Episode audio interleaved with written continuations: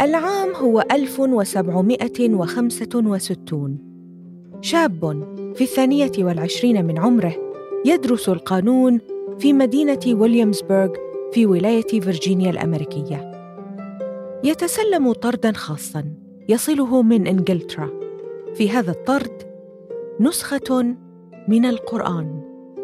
ترجمة إنجليزية كتبها جورج سيل في العام 1734 ونشرت في العاصمة البريطانية في مجلدين في العام 1764 بعد أحد عشر عاماً يقوم هذا الشاب بصياغة مسودة إعلان استقلال الولايات المتحدة الأمريكية. وبعد خمسين عاماً تباع نسخته من القرآن إلى مكتبة الكونغرس الأمريكي. كان هذا الشاب هو توماس جيفرسون الرئيس الثالث للولايات المتحدة وأحد الآباء المؤسسين للجمهورية.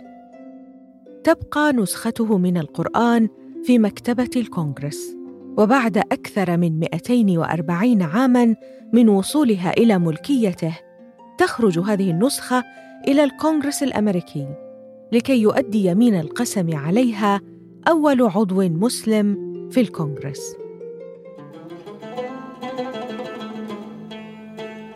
أمريكا والإسلام ليست علاقة مستحدثة أو طارئة ولم تبدأ بقرآن جيفرسون. الإسلام في أمريكا هو دين من الأديان الرئيسية التي ظهرت في هذه البلاد منذ زمن الهجرة الأولى. على مدى أكثر من قرنين من الزمن تشابكت قصة المسلمين الأمريكيين مع قصة تاريخ أمريكا وتقاطعت مع قصة الاستعباد وتحرير المستعبدين. تقاطعات هذه القصة قد تكون مفاجئة للكثير من الأمريكيين اليوم. في هذه الحلقة من إضاءات أمريكية نتعرف على تاريخ الإسلام في أمريكا. وكيف جاء المسلمون إلى هذه البلاد مستعبدين اولا ثم أحرارا. نحكي قصة عمر بن سعيد وهو فقيه أفريقي مسلم تم استعباده وجلب إلى هذه البلاد مقيدا بالسلاسل. ونقرأ مقاطع من مذكراته التي كتبها بخط يده بلغة عربية فصيحة في القرن التاسع عشر. نتأمل في جدران المحكمة الأمريكية العليا حيث حفر تمثال نبي الإسلام محمد ضمن منحوتة كبيرة. ونقترب من شخصيات أمريكية مسلمة حفرت اسمها في تاريخ أمريكا السياسي والحقوقي. أنا ندى الوادي وهذه رحلة جديدة وإضاءة جديدة من أمريكا.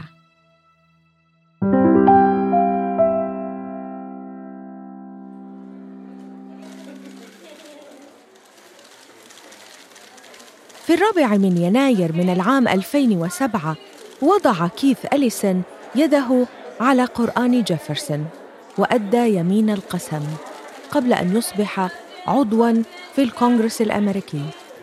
Do you solemnly swear or affirm that you will support and defend the Constitution of the United States against all enemies, foreign and domestic, كان المصحف في كتابين قديمين حملتهما زوجته ووقفت على يساره.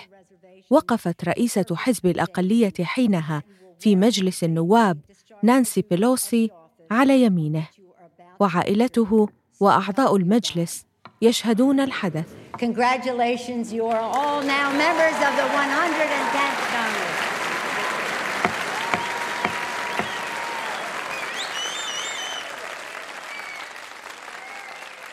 كان حدثا تاريخيا.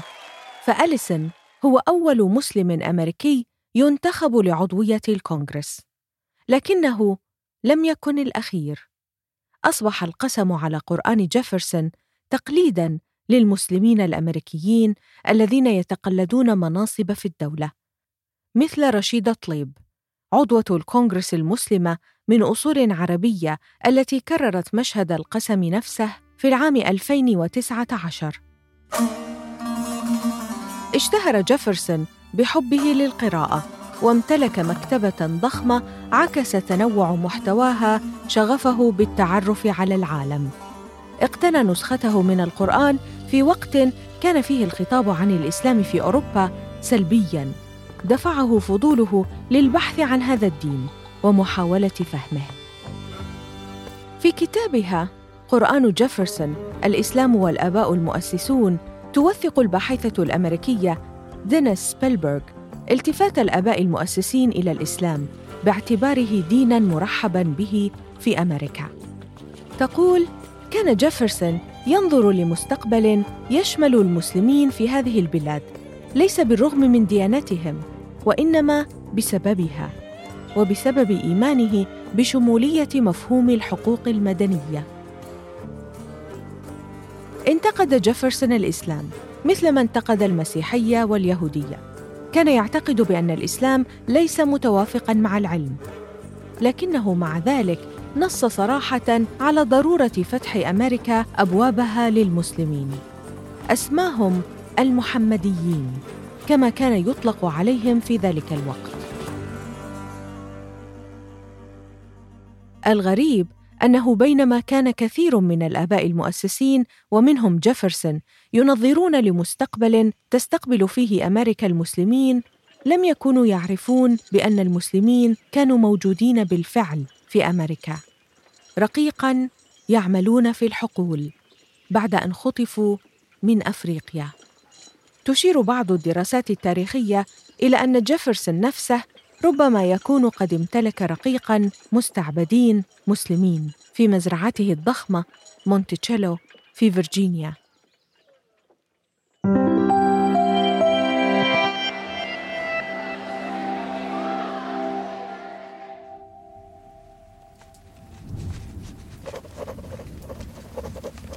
لا أستطيع أن أكتب عن حياتي لأني قد نسيت الكثير من كلامي وكذلك كلام العرب. يا إخواني سألتكم بالله لا تلوموني وذلك لضعف عيني وجسدي كذلك. اسمي عمر بن سعيد. مكان مولدي هو فوتور ما بين الظهرين وقد طلبت العلم لمدة خمس وعشرين سنة إلى أن جاء إلى بلدنا جيش كبير وقتل الكثير من الناس وأسروني وصاروا بي إلى بحر كبير. وقد باعوني إلى رجل مسيحي اشتراني وصار بي إلى سفينة كبيرة في بحر كبير.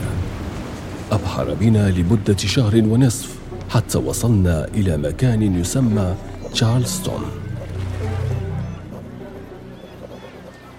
كتب عمر بن سعيد هذه الكلمات في العام 1831 لم يكن ابن سعيد المسلم الأول الذي يختطف من أفريقيا ويساق إلى القارة الأمريكية محملا في عنابر سفن رطبة وكريهة الرائحة تكدست فيها الأجساد السمراء المرتعبة جسدا فوق الآخر. لكن ابن سعيد كان أول من كتب مذكراته باللغة العربية ليوثق قصته في هذه الأرض الجديدة ويمنح الباحثين وثائق نادرة للتعرف على حياة العبودية في ذلك الزمن. تبارك الذي بيده الملك وهو على كل شيء قدير. بهذه الكلمات من سورة تبارك افتتح عمر بن سعيد مذكراته التي ظلت منسية لفترة طويلة إلى أن حصلت عليها مكتبة الكونغرس في العام 2017 ونشرتها للعامة ليتعرف الجميع على قصة هذا الرجل. ولد ابن سعيد في غرب أفريقيا لعائلة مترفة وتعلم اللغة العربية والدين الإسلامي على أيدي أساتذة وشيوخ ذكر أسماءهم في مذكراته عندما كان بعمر السبعه والثلاثين تم اختطافه من بلاده مع غيره من الأفارقة وضعوا على ظهر سفينة خاضت البحر لأكثر من شهر ونصف الشهر إلى أن وصلت إلى مدينة تشارلستون في ولاية نورث كارولاينا في العام 1807 في مذكراته يصف ابن سعيد الرجل الذي اشتراه بالضعيف والسيء الذي لا يخاف الله. بعد سنوات من الإيذاء والاضطهاد يقرر ابن سعيد الهرب لكنه يقع في الأسر مرة أخرى. ينتهي به الأمر في سجن الولاية مع غيره من المستعبدين الفارين. في السجن بدأ ابن سعيد يكتب على جدران زنزانته باللغة العربية الفصيحة التي يجيدها. أثار الانتباه فاشتراه شقيق حاكم الولاية. تقول بعض المصادر التاريخية أن ابن سعيد اعتنق الديانة المسيحية لكن مصادر أخرى تنفي ذلك. ظلت قصته محفوظة في مذكراته التي كتبها بخط يده وهو في الستين من عمره. كتبها باللغة العربية متعمدا لكي لا يستطيع مستعبدوه قراءتها وبدأها بآية تبارك الذي بيده الملك كاعتراض مبطن على منظومة استعباد الإنسان للإنسان. توفي عمر بن سعيد في العام 1863 أي قبل عامين فقط من إنهاء العبودية في أمريكا. لم يقدر له أن يشهد لحظة حريته طول حياته.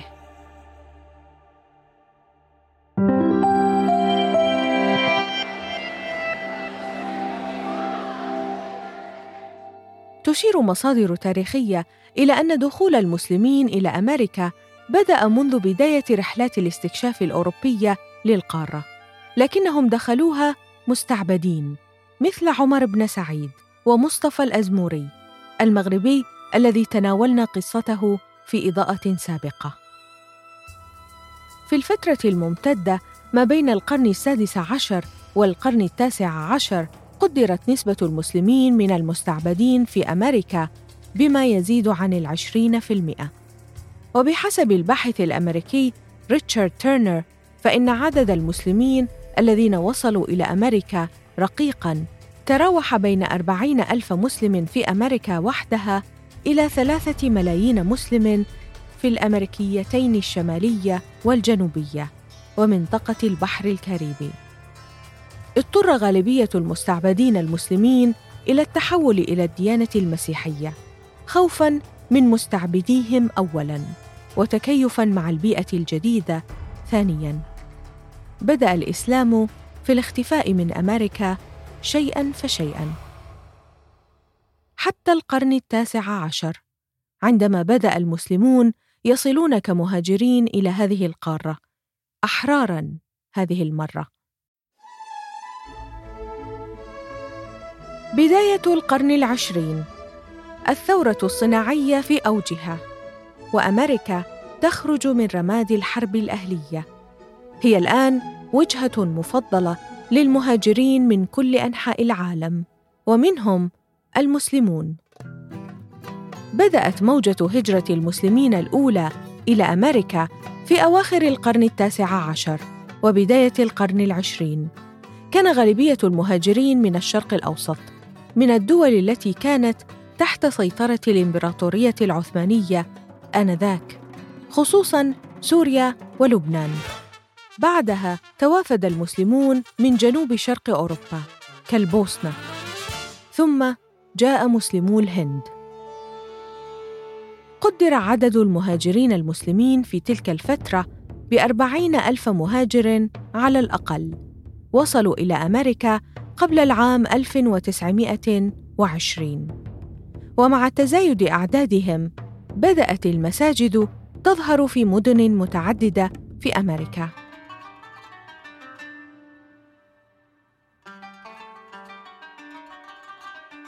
تشير بعض الأبحاث إلى أن أول مسجد في أمريكا بني في شيكاغو في العام 1893 بينما تشير رواية تاريخية أخرى إلى أن المسجد الأول ظهر في مدينة روس في ولاية نورث داكوتا في العام 1900 1929 اليوم تتوزع المساجد في الكثير من الولايات حول أمريكا ويتميز الكثير منها بطراز معماري إسلامي بديع.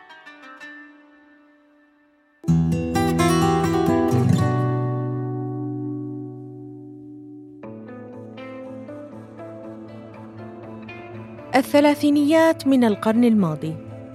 الإسلام يبدأ في الانتشار بين مجتمعات الأفارقة الأمريكيين. ارتبط الإسلام في أذهانهم بفكرة التحرر واستعادة هويتهم المسلوبة. بدأت جماعات ومنظمات إسلامية بتكثيف جهودها الدعوية مستهدفة فئة الأفارقة الأمريكيين. كانت من أبرز هذه الجماعات منظمة أمة الإسلام وقائدها إيلايجا بول المعروف باسم إيلايجا محمد. استقطبت هذه المنظمة العديد من الشخصيات. كان على رأسها اسم سيتكرر كثيراً في تاريخ أمريكا الحديث وفي قصة الأفارقة في أمريكا. مالكوم ليتل المعروف بمالكوم إكس.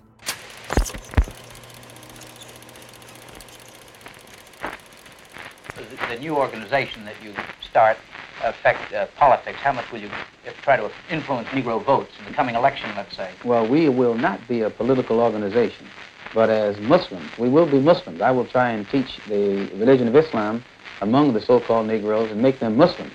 But still, we will be flexible enough to uh, uh, speak out on issues that will make our people politically mature enough to uh, uh, be aware that of the political power that they hold. In the present situation, most Negroes don't know the political power they hold. They don't realize that they can put the man in the White House or they can take the man out of the White House.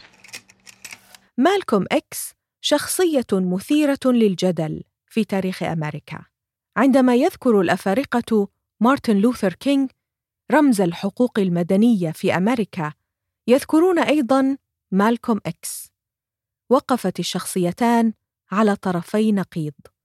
آمن الأول بالالتزام بالمقاومة اللاعنيفه وتبنى الثاني منهجا راديكاليا في السعي لتحقيق العدالة في النهاية اغتيل الاثنان قبل سن الأربعين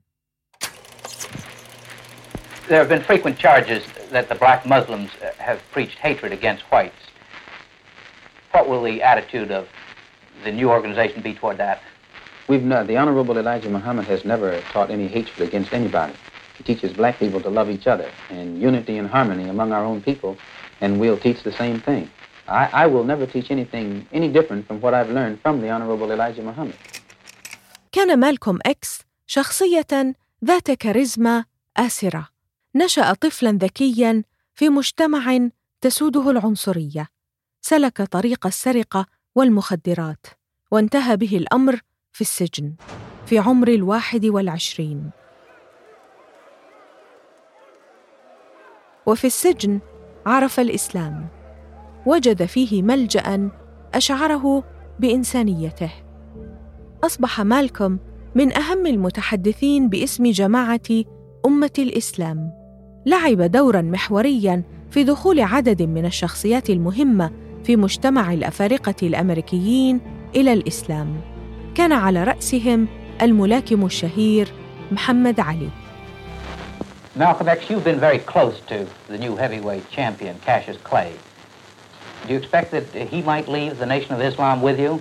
No. Uh, as I uh, stated earlier today, it's not my intention to encourage any Muslim who follows the Honorable Elijah Muhammad to leave him. In fact, it's my intention to encourage all Muslims to remain under the spiritual guidance of the Honorable Elijah Muhammad. That includes Cassius Clay.